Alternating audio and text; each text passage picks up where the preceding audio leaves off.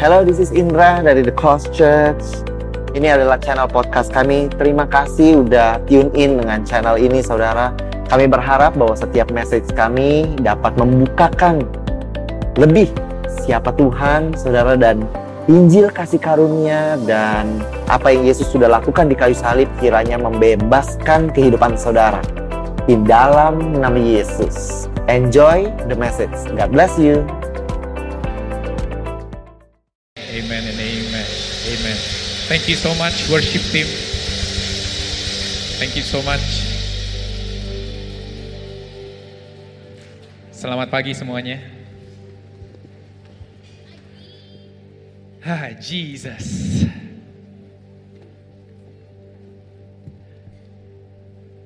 Yesus. Boleh senyum dulu, senyum semuanya. Dari tadi pagi deg-degan. Uh, Tuhan Yesus, senyum ya, senyum yang banyak hari ini.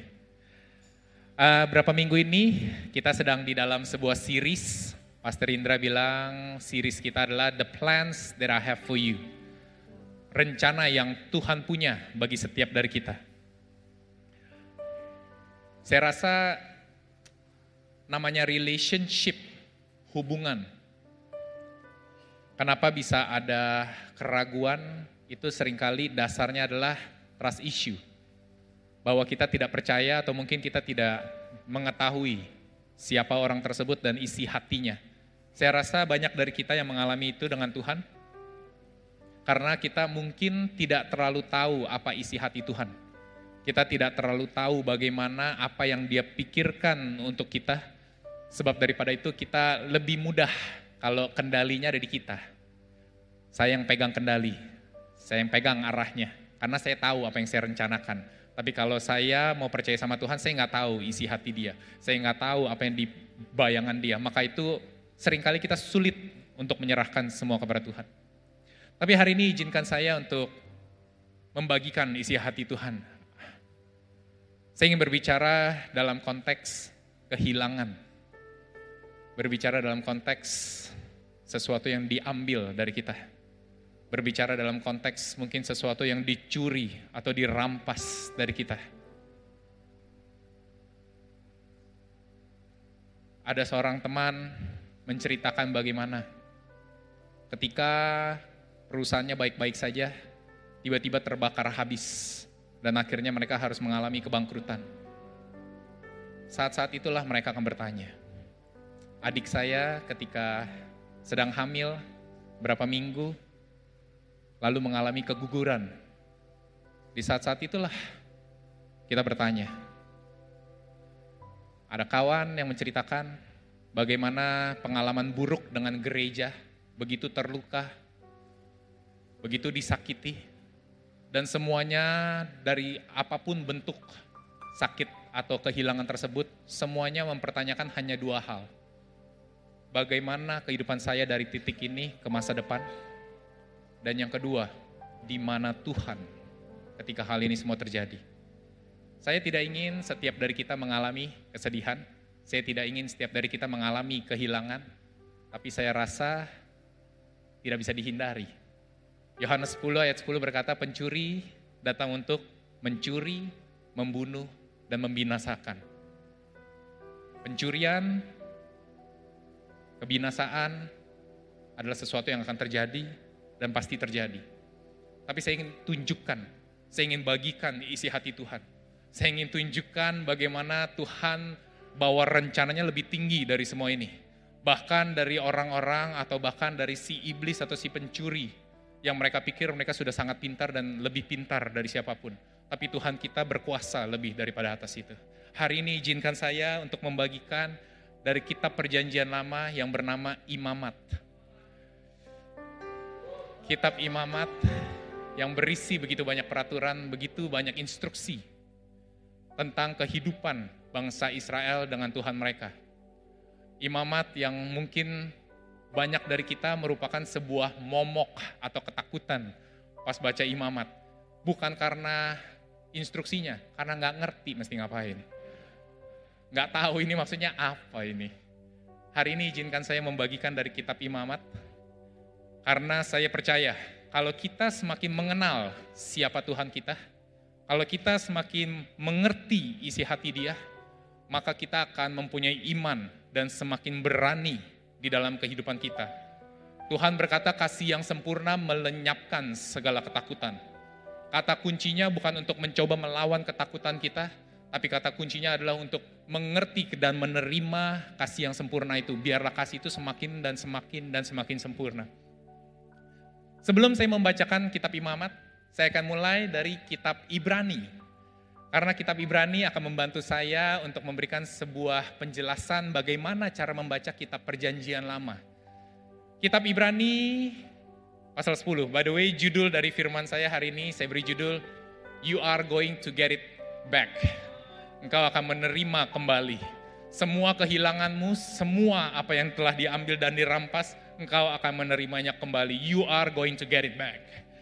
Ibrani 10 ayat 1 berkata, Di dalam hukum Taurat hanya terdapat bayangan saja dari keselamatan yang akan datang. Dan bukan hakikat dari keselamatan itu sendiri, hanya sebuah bayangan. Kalau bayangan itu berarti tidak sempurna. Bayangan itu hanya sekelebat, sebuah gambaran, tapi bukan wujud aslinya. Karena itu dengan korban yang sama, yang setiap tahun terus-menerus dipersembahkan, hukum Taurat tidak mungkin, sekali lagi hukum Taurat tidak mungkin menyempurnakan mereka yang datang mengambil bagian di dalamnya. Harus dilakukan bertahun terus-menerus. Kitab Imamat membicarakan tentang korban tentang bagaimana ada korban-korban yang mesti dipersembahkan. Ada lima jenis korban yang dipersembahkan. Ada namanya burn offering korban bakaran, ada yang namanya peace offering korban pendamaian, ada yang namanya grain offering namanya korban sajian, ada yang namanya sin offering namanya korban penebus dosa, dan ada yang namanya guilt atau transgression offering korban penebus salah. Jadi tapi Tuhan bilang, ini hanya bayangan. Walaupun mereka melakukan pemberian korban setiap tahun terus menerus, hakikat keselamatan itu tidak ada. Tidak ada karena ini hanya sebuah bayangan. Kita tidak mungkin sempurna. Sebab jika hal itu mungkin, pasti orang tidak mempersembahkan korban lagi. Kalau emang benar korban itu bisa menebus, bisa membayar lunas semua kesalahannya, maka mereka hanya perlu melakukan sekali. Tapi karena mereka harus melakukan berulang, berulang, berulang, berulang, sudah mempersembahkan, lakukan lagi. Sudah memberikan, beri lagi. Sudah mempersembahkan, lakukan lagi. Maka itu dikatakan tidak mungkin bisa sempurna Sebab mereka yang melakukan ibadah itu tidak sadar lagi akan dosa setelah disucikan sekali untuk selama-lamanya. Tapi korban-korbannya ini tidak bisa menyucikan sekali untuk selamanya. Sebab tidak mungkin darah lembu jantan atau darah domba jantan menghapuskan dosa. Nggak mungkin. Dosa manusia terlalu beras, terlalu berat. Dosa manusia terlalu dalam. Kesalahan kita terlalu terlalu besar.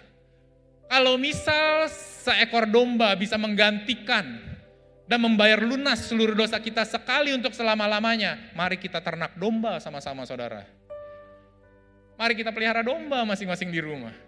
Tapi tidak mungkin katanya lo dikatakan karena itu ketika ia sedang berbicara dengan Yesus tentang Yesus, ketika Yesus masuk ke dunia, ia berkata, korban dan persembahan tidak engkau kehendaki, karena ini sebuah bayangan. Maka Allah Bapa sebenarnya tidak sedang mengkehendaki adanya korban atau tidak sedang mengkehendaki yang namanya lembu jantan dan domba jantan. Tapi engkau telah menyediakan tubuh bagiku.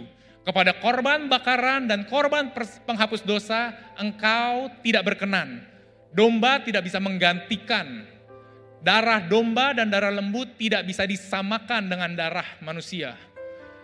Lalu aku berkata, sungguh aku datang. Dalam gulungan kitab ada tertulis tentang aku untuk melakukan kehendakmu ya Allahku. Maka itu inilah sebuah shadow. Korban adalah sebuah bayangan yang wujudnya adalah Kristus. Di Kolose 2 dikatakan, jangan kau menghakimi satu dan yang lain tentang apa yang kau harus makan, apa yang kau harus minum. Pernah ngerasain ini makanan, kamu makan apa ini? Berkuku belah atau enggak? Kalau tidak berkuku belah, firman Tuhan berkata, itu dosa. Ini engkau makan burung yang mengeriap di air atau beterbangan. Yang berterbangan di cakrawala pun yang kalau tidak tidur pada malam hari, itu tidak boleh kau makan. Oh bingung kita. Langsung kita telusuri semua makanan kita. Ini makanan sesuai dengan firman Tuhan atau enggak? Jangan kau mempermasalahkan tentang hari raya dan hari sabat katanya. Kita mulai bingung lagi. Ada namanya Yom Kippur di Atonement Day. Dengar aja belum pernah nih pastor sekali ini saya dengar Yom Kippur. Apa itu Yom Kippur? Saya nggak pernah dengar itu yang namanya hari raya, hari raya yang dirayakan, hari raya daun palem. Gereja harus ajarkan karena Tuhan bilang dia lanjutkan. Karena itu semua hanya sebuah bayangan. Yang kepenuhannya adalah di dalam wujud Kristus. Semua itu hanya sebuah simbol, semua itu hanya sebuah gambaran yang semuanya diungkapkan dan digenapi di dalam satu pribadi bernama Yesus. Hari ini izinkan saya untuk unveil Jesus. Saya akan tunjukkan bagaimana Yesus dan apa yang telah dia selesaikan, apa yang sudah dia lakukan di atas kayu salib agar setiap dari kita tidak lagi dibebani dan tidak lagi perlu melakukan apa yang sudah dia selesaikan. Jadi kitab Ibrani ini adalah kunci bagaimana cara membaca kitab perjanjian lama. Salah satunya kitab imamat. Saya boleh undang, saya minta, uh, wih Ray Julio kabur, domba saya terhilang. Uh, saya minta ini aja deh, saya minta Christoph boleh, Kevin boleh, berdua deh masuk dulu deh, Kevin dan Christoph. Boleh tepuk tangan ini dua. Christoph di sana, Kevin di sini. Oke, Kevin sini. Christoph sana. Kita akan baca kitab Imamat. Sini aja, biar ini. Oke, sambil baca ya. Saya akan baca dan saya akan sembari menjelaskan. Jadi biar kita sama-sama nangkep. Tuhan berfirman kepada Musa, apabila seseorang berubah setia dan tidak sengaja berbuat dosa dalam sesuatu hal kudus yang dipersembahkan kepada Tuhan, apa sih hal kudus yang dipersembahkan kepada Tuhan? Ada contohnya perpuluhan. Bangsa Israel itu harus membawa perpuluhan mereka. Bangsa Israel itu harus membawa persembahan mereka kepada Tuhan. Dan dikatakan jika seseorang tidak sengaja berbuat dosa dalam segala sesuatu hal kudus yang dipersembahkan kepada Tuhan. Salah satu contoh lagi, Tuhan itu pada zaman perjanjian lama suka mengkhususkan beberapa barang untuk dijadikan sebagai barang di dalam rumah Tuhan. Maka itu kita pernah baca cerita tentang Akan namanya di cerita Yosua. Bagaimana ketika Tuhan berkata kepada Yosua, jika engkau nanti menang melawan bangsa ini, bangsa Yeriko, ada barang-barang yang harus kau pisahkan yang nanti untuk menjadi perbendaharaan rumah Tuhan. Tapi akan dari kaum Yehuda mencuri dan menyimpan untuk sendiri. Tuhan tidak senang karena kita akan akan sedang mencuri dari Tuhan akan sedang mengambil yang bukan harusnya menjadi milik dia tapi milik Tuhan tapi dia curi. Maka itu Tuhan harus kejar. Tuhan harus cari. Tuhan tidak senang dicuri seperti saudara dan saya. Kita tidak senang kalau ada yang mengambil sesuatu yang bukan milik mereka. Jika ada sesuatu yang dirampas dari kita pasti kita tidak senang. Dan Tuhan berkata, apabila ada yang melakukan tersebut, maka haruslah ia mempersembahkan kepada Tuhan sebagai tebusan salahnya seekor domba jantan yang tidak bercelah dari kambing domba. Sekarang kita mulai. Dia bilang kalau misalnya dia melakukan ini harus mempersembahkan korban penebus salah. Jika Kristof melakukan sebuah kesalahan, Kristof melakukan sebuah kesalahan, maka dia untuk menebus kesalahannya itu dia harus membawa seekor domba jantan. Seekor domba jantan dia harus bawa. Oke? Ketika dia membawa seekor domba jantan, dia membawa kepada imam, kepada hadapan Tuhan. Dia membawa domba jantan ini, Kristof sedang mengidentifikasikan dirinya. Ingat ini bukan transfer dosa, bukan. Tapi dia sedang berkata, inilah lambang bahwa aku telah berbuat salah kepada Tuhan. Domba jantan ini akan kupersembahkan. Nah, imam ketika menerima domba tersebut, Imam tidak lagi bertanya seperti ini, kamu salahnya apa? Kamu ngapa ngelakuinnya? Kenapa kamu melakukan? Nggak ada urusan imam. Imam cuma nanya, ini domba buat apa? Penebus salah. Oke. Imam tidak lagi memeriksa Kristof, imam periksa dombanya. Dia lihat dombanya, wih nggak bercacat, tidak bercelah, bagus walaupun jalan di atas dua kaki kita suka bingung Kenapa domba bisa jalan di atas dua kaki? Tapi dilihat kita tidak bercacat, tidak bercelah. kalau domba diterima, domba jantan ini diterima, dia bilang terima. Maka Kristof bisa pulang sebagai orang benar. Dosanya sudah diampuni. Dosanya sudah dimaafkan. Dia tidak perlu lagi menanggung dosa. Dia tidak perlu lagi menanggung murka Allah. Bahwa dosanya sudah dibayar dengan memberikan seekor domba. Nah yang menarik dengan korban penebus salah, karena ada kesalahan yang dilakukan, ada hal-hal yang dicuri seperti perpuluhan dan lain-lain. Maka itu dikatakan begini, domba ini dinilai menurut shikal perak, yakni menurut shikal kudus, menjadi korban penebus salah. Jadi domba ini dinilai oleh Musa pada zaman itu dengan dengan ukuran harga shikal. Dia lihat, dia pegang, ini nilainya 100 ribu ini dombanya. Oke, dombanya 100 ribu dia nilai. Ini karena korban penebus salah. Lalu dikatakan di ayat berikutnya.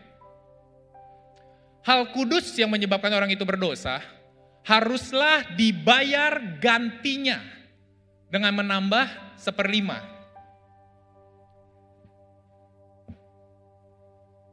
Hanya di korban penebus salah yang cukup menarik. Karena selama ini korban itu hanya berbicara tentang binatang, tentang korban penebus, korban yang diberikan.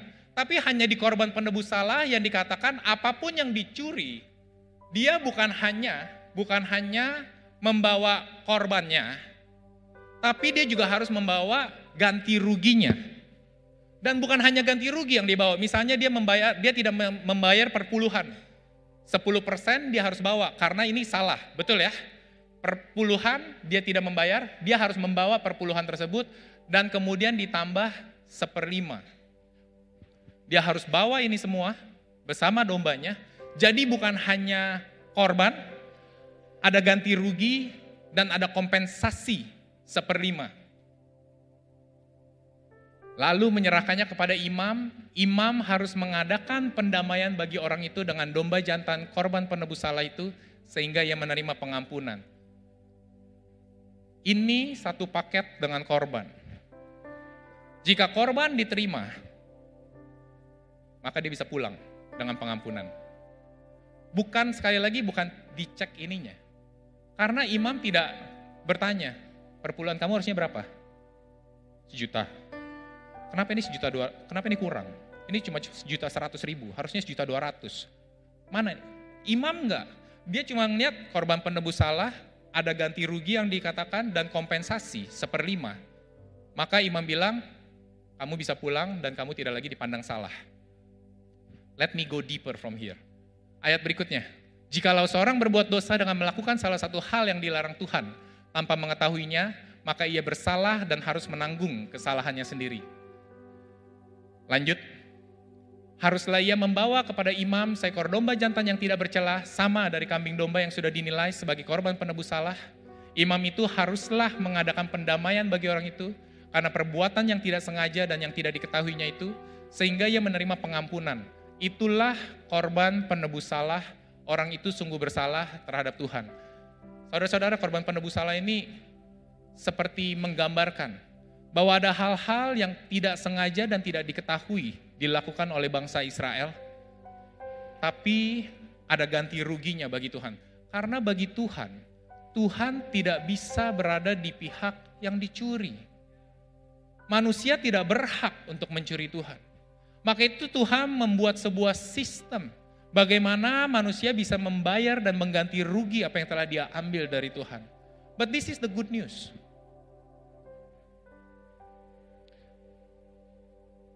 Karena pengampunan dari Tuhan hanya bisa terjadi kalau korban itu diberikan.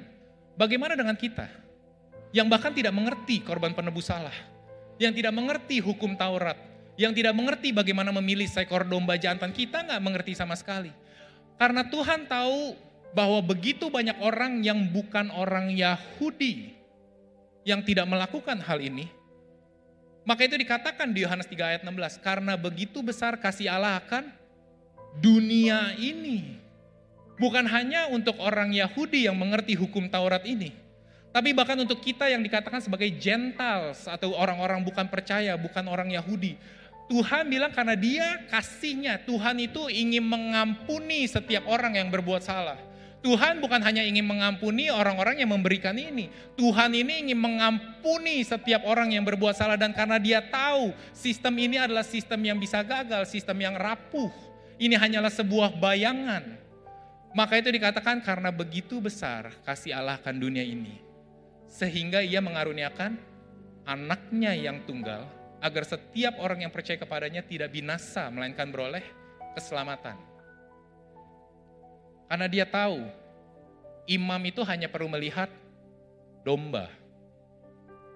Imam tidak ada urusan dengan pelaku. Setiap pelaku selama mereka membawa domba pasti diampuni. Jadi Yesus berdiri datang menjadi seekor domba yang berhak, yang pantas, yang diterima oleh Tuhan untuk menggantikan setiap kesalahan. Ayatnya di Yesaya 53. Salah satu ayat yang menurut saya paling indah. Tetapi Tuhan berkehendak. Tuhan berkehendak meremukan Yesus dengan kesakitan. Apabila Yesus menyerahkan dirinya sebagai korban penebus salah. Bukan korban-korban yang lain, korban penebus salah. Ia akan melihat keturunan. Maka ini sebagai orang yang melakukan, orang yang telah memberikan korban penebus salah ini, kita Yesus katakan ini adalah anak-anakku jika engkau mengidentifikasikan dirimu denganku. Ini adalah anak-anakku, you are my sons and you are my daughters and you are accepted in the beloved of Christ. Jika dia ku terima, maka pengampunan ada turun bagimu. Murka Allah tidak akan turun bagimu. Amarah Allah tidak akan turun. Kutuk Tuhan tidak akan turun. Hanya ada berkat dan perlindungan yang mengejar dia. Dan Tuhan bilang ia akan melihat keturunan umurnya akan lanjut dan kehendak Tuhan akan terlaksana olehnya. Sejauh ini saya hanya ingin menunjukkan satu. Yesus is the perfect offering once and for all. Sejak Yesus mati di atas kayu salib dan menyerahkan dirinya sebagai korban, tidak perlu lagi kita melakukan korban setiap tahun. Tidak perlu lagi kita mempersembahkan korban terus-menerus dan berulang-ulang setiap tahun. Tapi pastor, what is the relevance for us now? Di sinilah yang saya suka. Let me go deeper. Mari kita mari kita buka pikiran kita sekali lagi. I, I want to go deeper. Di Imamat 6 dikatakan demikian. Tuhan berfirman kepada Musa, Apabila seorang berbuat dosa dan berubah setia terhadap Tuhan, Tuhan sekali lagi mengulang lagi. Lalu dikatakan, dan memungkiri terhadap sesamanya. Menarik. Sekarang mulai ada third. Saya boleh minta jelas. Kamu jelas. Kamu berdiri di sini. Jelas kam. Christoph di situ. Jelas di sini.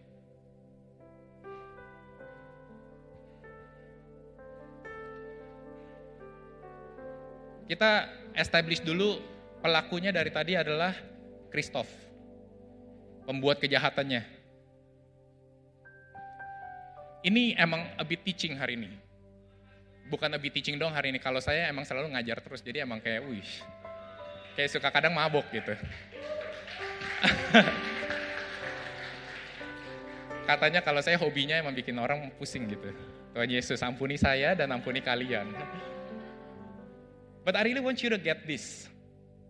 Karena sering kali kita bilang Tuhan akan restore, Tuhan akan restore, Tuhan akan kembalikan.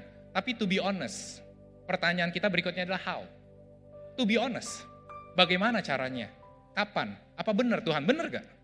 Tuhan akan kembalikan.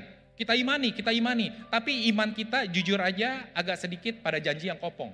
Kita hanya mengharapkan kebaikan Tuhan. Hari ini saya ingin menjelaskan legalitasnya. Kenapa Tuhan akan mengembalikan. Saya ingin menjelaskan dari aspek hukumnya. Bagaimana ini sangat jelas bahwa Tuhan akan kembalikan. So bear with me. Bear with me. Once you get this, everything's gonna be clear. Dia bilang ketika seseorang ketika seseorang memungkiri terhadap sesamanya barang yang dipercayakan kepadanya, maksudnya disikat, diambil. Dan barang yang diserahkan padanya atau barang yang dirampasnya, basically dicuri, dirampok, mau apa pun yang harusnya bukan menjadi milik dia, tapi diambil sekarang jadi milik dia, apa pun namanya itu. Atau bila ia menemui barang hilang, nih sekarang barang hilang.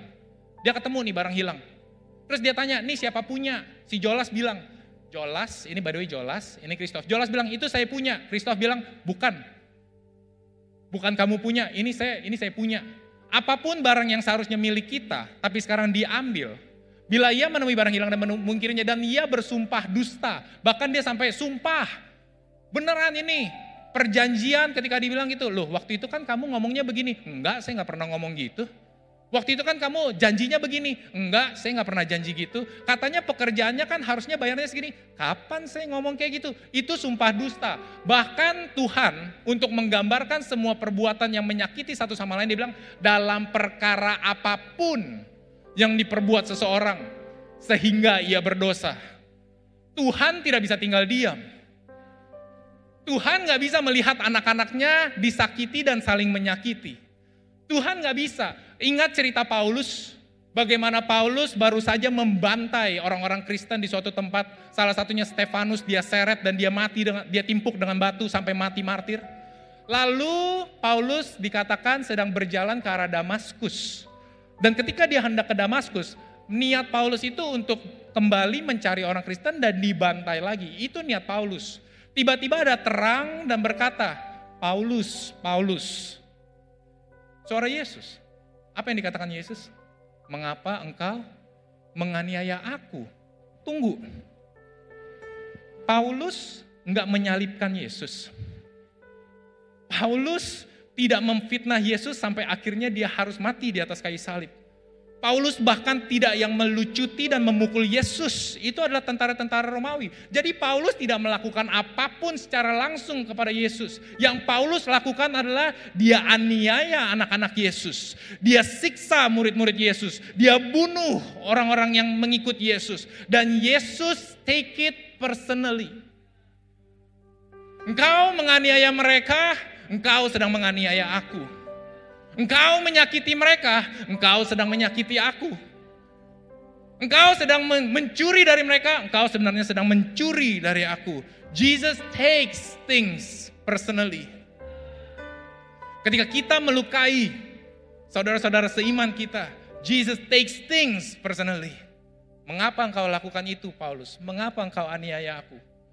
Maka itu harus ada penyelesaian. Kejadian ini tidak bisa dibiarkan. Jika mereka benar-benar adalah anak Tuhan, anak-anak yang takut akan Tuhan harus diselesaikan. Bagaimana diselesaikannya? Apabila dengan demikian ia berbuat dosa dan bersalah, maka haruslah pelaku memulangkan barang yang telah dirampasnya atau yang telah diperasnya harus dikembalikan atau yang dibelah dipercayakan kepadanya atau barang hilang yang ditemuinya itu harus dikembalikan Lalu dikatakan berikutnya, haruslah ia membayar gantinya sepenuhnya dengan menambah seperlima. Nggak bisa, cuma ini doang. Harus dikasih lagi seperlima. Kenapa? Karena ketika pencurian atau kehilangan itu terjadi, yang hilang bukan hanya rugi materi, ada rugi waktu yang tidak bisa dihitung dengan materi. Ada rugi dalam sukacita, ada kerugian, kehilangan dalam damai sejahtera. Ada pikiran-pikiran yang merasa ini tidak adil. Mimpi, tidur-tidur yang tidak bisa kita nikmati berapa hari. Ada ada sesuatu lagi dicuri, maka itu Tuhan bilang kamu tidak bisa membayar hanya dengan ganti rugi. Tapi harus ada kompensasi yang kamu berikan seperlima. Ini hatinya Tuhan. Haruslah ia menyerahkan kepada pemiliknya pada hari yang memberikan korban penebus salahnya. Kristof bukan hanya mengembalikan, tapi Kristof membawa domba. Sekali lagi, semua ini hanya bisa terjadi dan dianggap valid bahwa ini sudah dikembalikan kalau kalau domba dianggap benar. Bahwa domba diterima, baru ini semua dispute, semua permasalahan kamu sudah selesai. Are you getting me so far? Kalau domba tidak diterima, walaupun sudah dikembalikan, ini dianggap kamu masih berhutang. Kamu ini masih salah karena korban tidak diterima. Kalau sudah diterima, comes in a packet, maka hanya ada pengampunan dikatakan ayat berikutnya.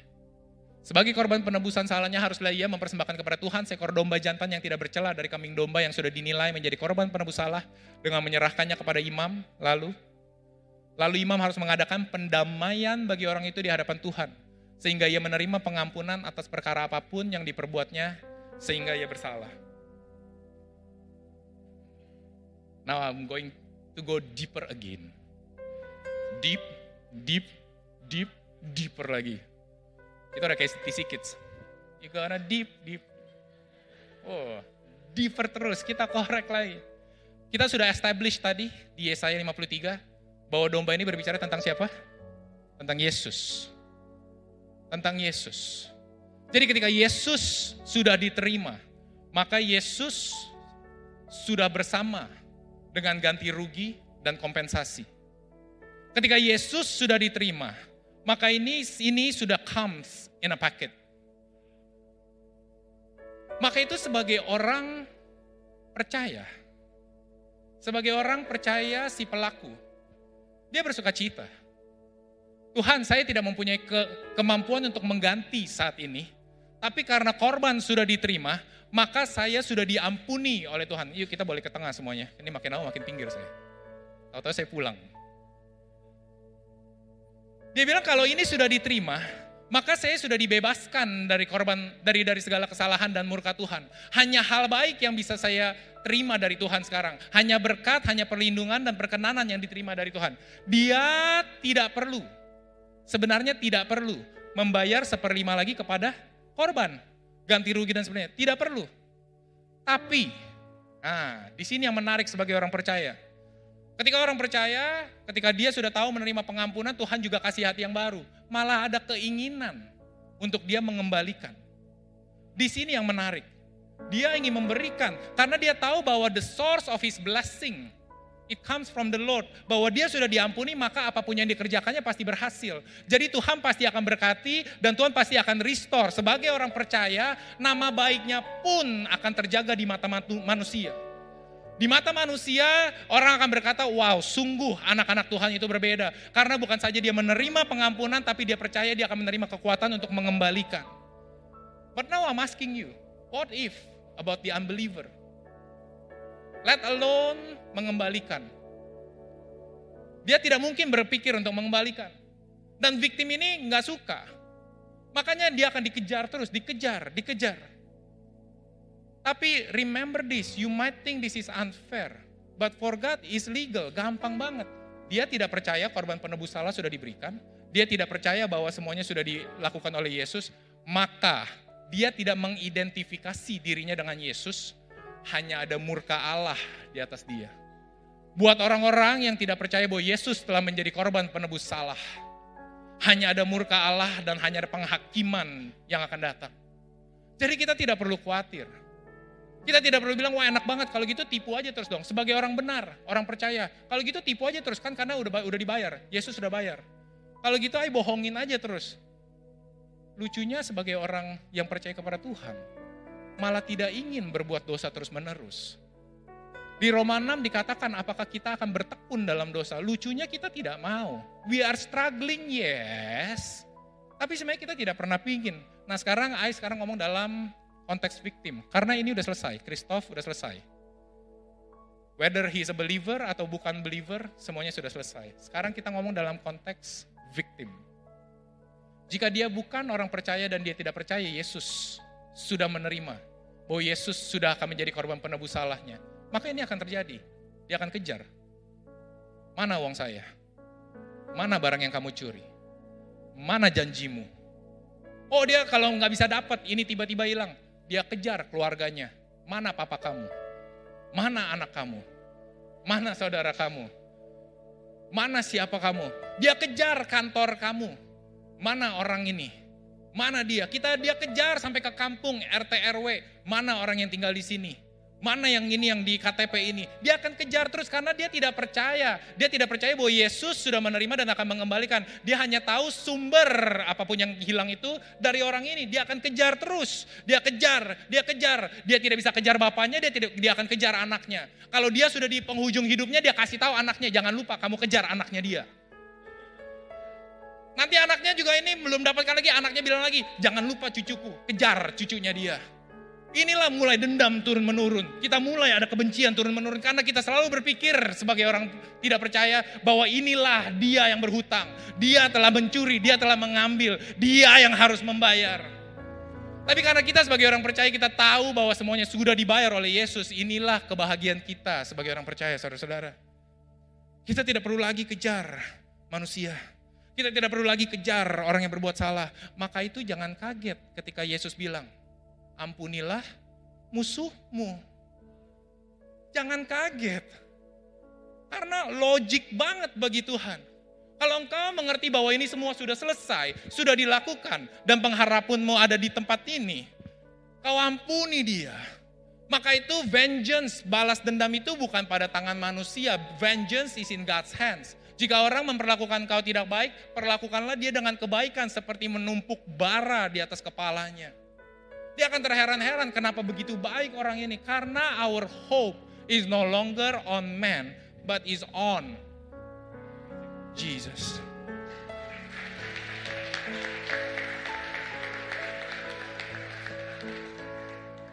Now this is what I like. Yesus pegang. Korban penebus salah ini pegang. Bukan hanya apa yang terhilang daripadamu, bukan hanya apa yang kau dicuri dan dirampas yang seharusnya menjadi milikmu. Tapi yang Yesus pegang ada kompensasi dari apa yang tercuri. Jadi ketika victim ini mengidentifikasi dirinya, ini yang akan diterima oleh Jolas. The much more.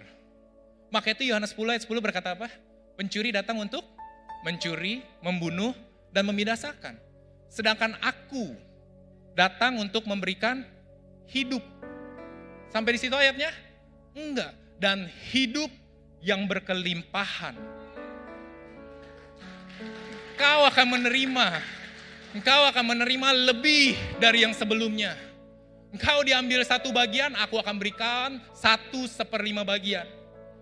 Engkau akan menerima lebih daripada yang sebelumnya. Maka itu ketika Tuhan dicurangi dan dia melihat domba jantan ini, Tuhan senang bahwa darah domba ini lebih mahal daripada emas perak, bahwa darah domba ini lebih mahal dan lebih kudus daripada apa pun. Maka itu Tuhan senang bahwa pembayarannya lebih. Maka itu dikatakan di Roma 5, where sin abounds, grace abounds much more. This is the much more God. This is the overpayment God. Dia tidak bisa mengembalikan hanya sama persis, dia harus mengembalikan lebih. Kenapa sih dia harus mengembalikan lebih? Thank you semuanya boleh duduk. Saya akan tutup sebentar lagi. I hope you are blessed with this message. Kenapa sih Yesus bukan hanya harus dan ingin? Sebelum saya lupa ada ayatnya di Mazmur. Ini Mas Mazmur ini menggambarkan nih, kalau kita namanya messianic verse. Ayat yang menggambarkan tentang keilahian atau juru selamat yang akan datang. Orang-orang yang membenci aku tanpa alasan lebih banyak daripada rambut. Yesus dibenci tanpa alasan lebih banyak daripada rambut di kepalaku. Terlalu besar jumlah orang-orang yang hendak membinasakan aku. Yesus sendiri bingung. Kenapa orang-orang ini ingin membunuh dan memburu aku? Tapi firman Tuhan bilang dia menjadi dosa padahal dia tidak berbuat dosa. Maka itu banyak orang yang ingin membinasakan dia, yang memusuhi aku tanpa sebab. Lalu dikatakan aku, Yesus, dipaksa untuk mengembalikan apa yang tidak kurampas. Yesus tidak mencuri dari saudara. Yesus tidak mengambil dari saudara. Yesus tidak merampas sesuatu dari saudara. Tapi dia dipaksa karena dia menjadi korban penebus salah untuk mengembalikan apa yang tidak dia rampas. Hari ini our confidence is in Jesus. Bahwa ketika dia mati di atas kayu salib, dia sudah selesaikan semuanya, bahwa dia sudah bayar lunas bahkan lebih. So that we can ask from God. As a believer, kita bilang Tuhan, aku percaya bahwa engkau korban penebus salah, aku adalah korban dari situasi ini, maka Tuhan, aku ingin meminta, mana restorationku, mana ganti rugiku, mana kompensasiku.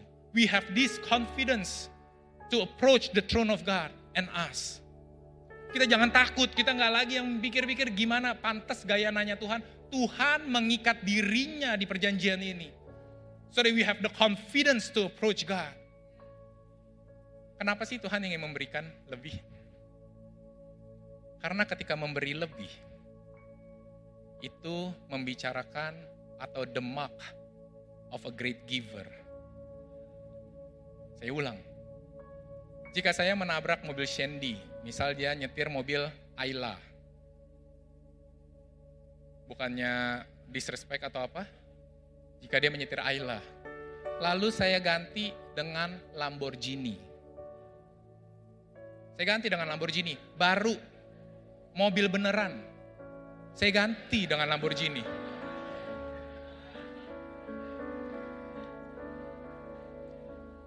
Apakah Shandy akan bilang, ya emang gue pantas diganti Lamborghini? Orang-orang juga akan bilang, lu bisa diganti Agia yang baru aja udah.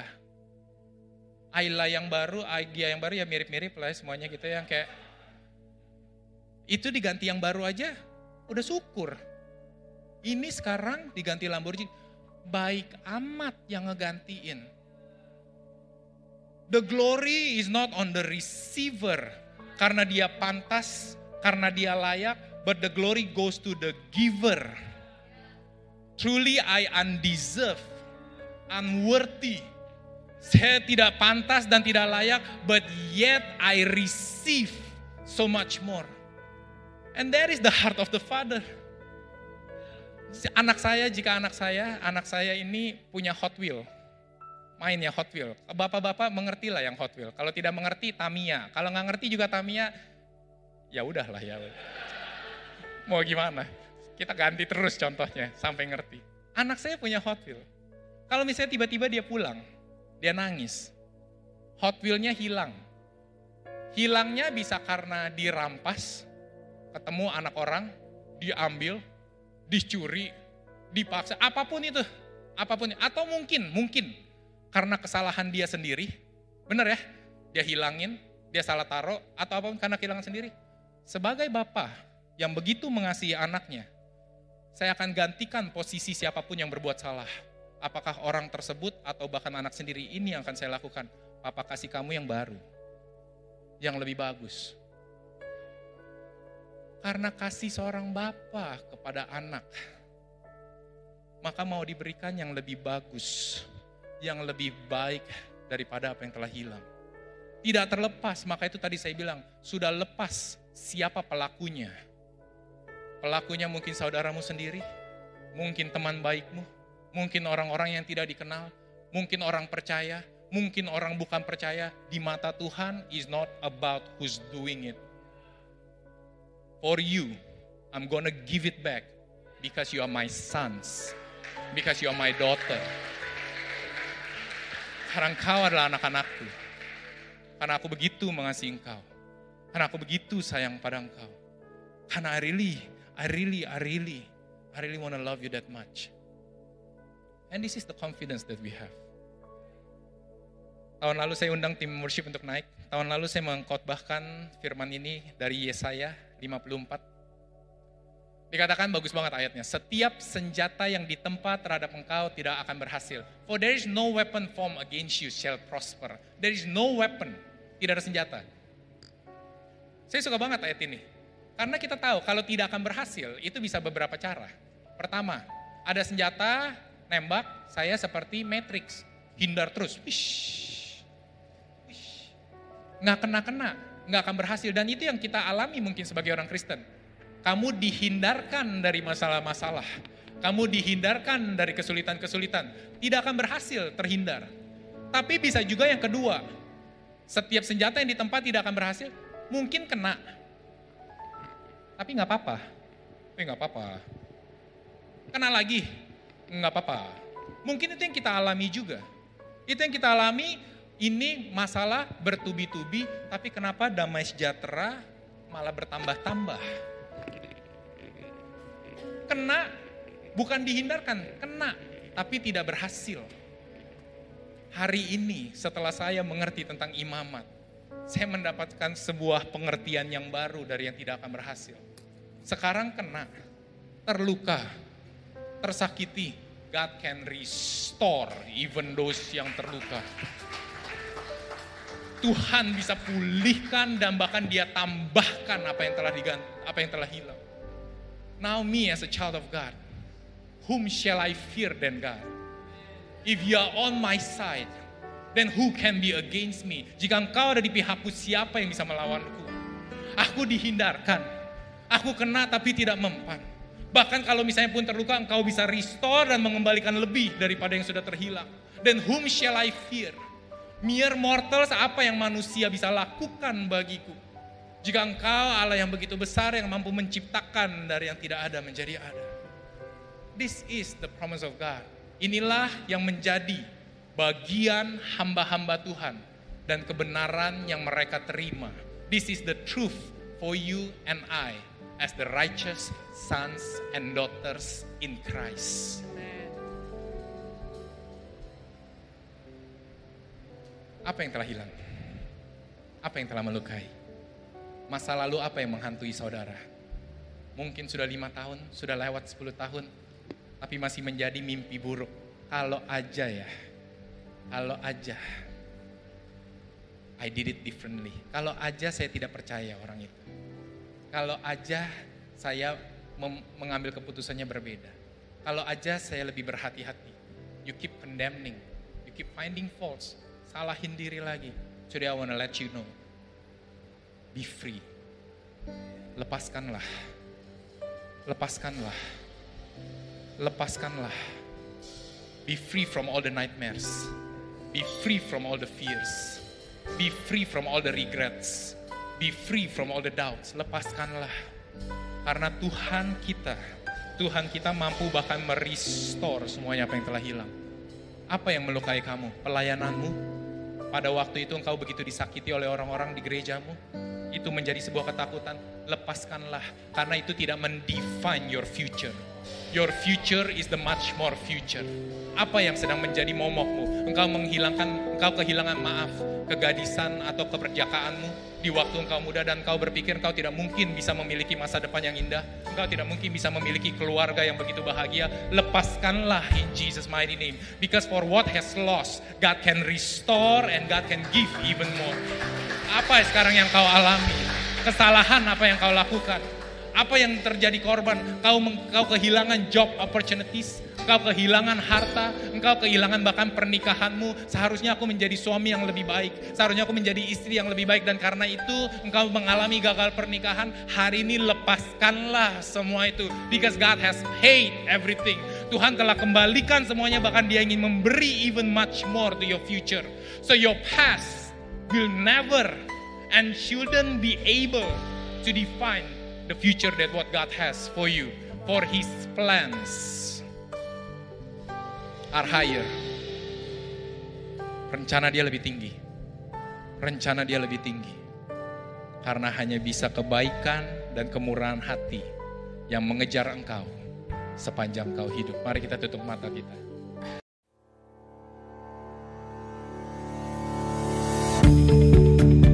Terima kasih lagi sudah mendengarkan episode ini saudara dari podcast ini. Thank you so much saudara. Saya berharap bahwa Injil kasih karunia dan apa yang Yesus sudah lakukan bisa membebaskan kehidupanmu saudara. Kalau saudara diberkati, saya mengundang saudara untuk share saudara um, sermon ini baik secara pribadi kepada your friends and your family saudara atau you can screenshot dan kau bisa bagikan kepada sosial media saudara dan jadilah terang saudara. I hope um, message ini melalui saudara bisa memberkati lebih banyak orang lagi. Dan kalau saudara diberkati, saya mengundang saudara untuk subscribe kepada channel podcast ini. Again, I want to thank you. Berterima kasih kalau saudara mendengarkan dan mengizinkan dirimu diberkati dari apa yang kami lakukan. Terima kasih, Tuhan berkati. God bless you and bless you and bless you again. In Jesus' name. Amen.